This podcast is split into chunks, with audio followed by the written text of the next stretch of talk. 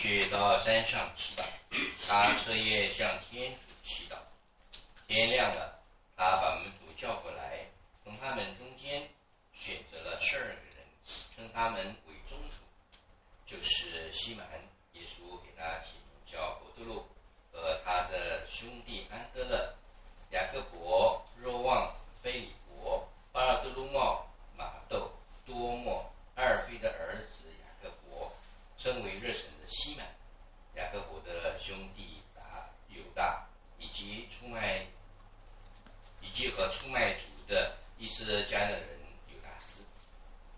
耶稣和他们下了山，站在平地上，与大群人和耶稣在一起。有很多人从犹大、耶路撒冷以及提罗西东海边来的，他们要听他讲道。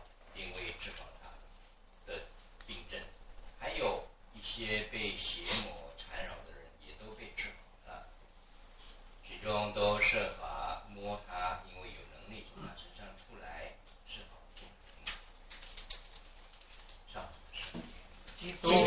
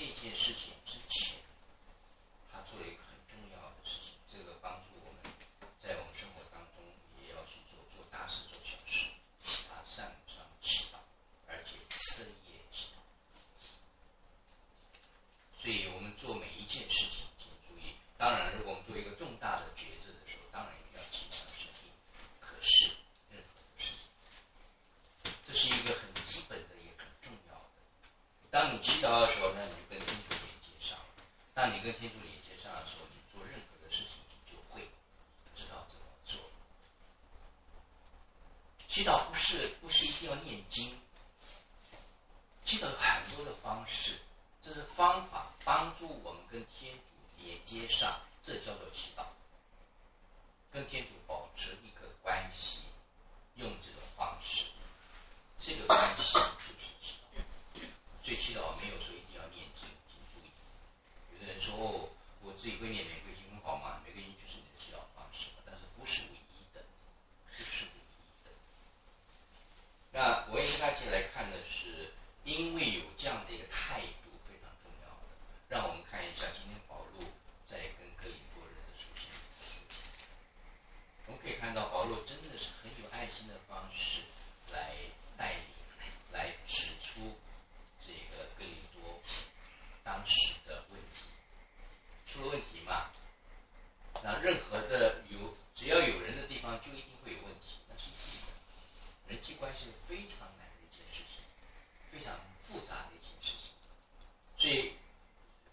争执啦，可是发生争执问题不是有没有问题，不是发生争执，而是当你有出了问题以后，你怎么样面对这个问题，怎么样来解决这个问题？这是保罗今天要带我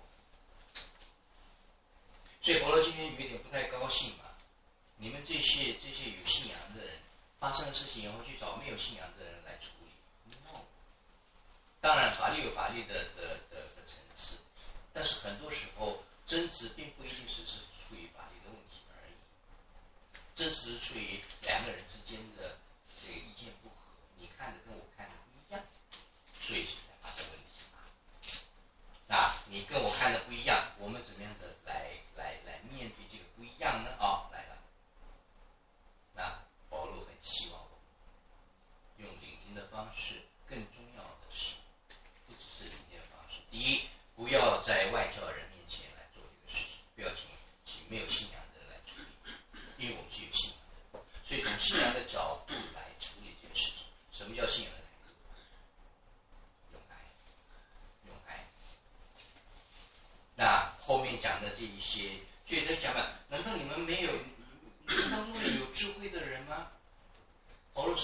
自信的方式来问这个问题，只是什么叫有智慧？就是天主的智慧。有信仰的人就会有天主的智慧。有信仰的人就从天主的角度来看事。从天主的角度来看事的时候呢，我跟你们说，我讲这句话你们有点不太舒服。有信仰的人来面对这些这些冲突问题的时候，是吃亏的方式。你们看看这一位，他都是吃亏。被被挨挨骂挨打，甚至于处死在十字架上，他犯了什么错？请问，他接受？这就是爱，这是很笨的人做法，吃亏的做法。我我我把基本的东西点出来，所以耶稣这个保罗愿意我们了解就在这里。发生事情的时候，不要马上的去去争真理，我们很喜欢争道真理嘛，就是。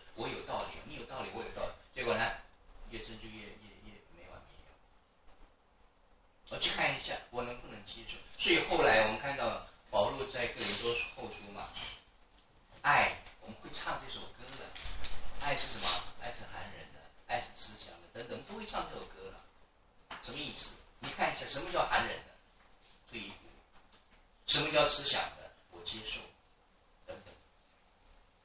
所以保罗所做的就是耶稣做的。耶稣因为爱，他去祈祷，他拣选了十二人。那么，也让这四个人跟他在一起三年的时间，学习、成的爱，学习跟他的爱。保罗没有跟耶稣。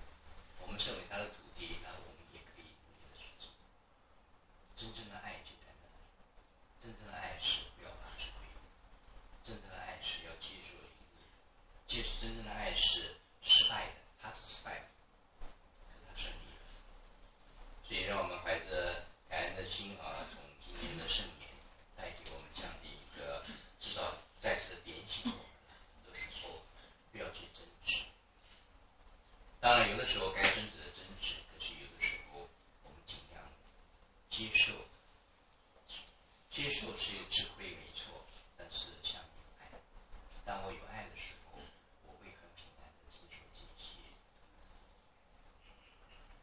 就是争执当中啊，所所所带来。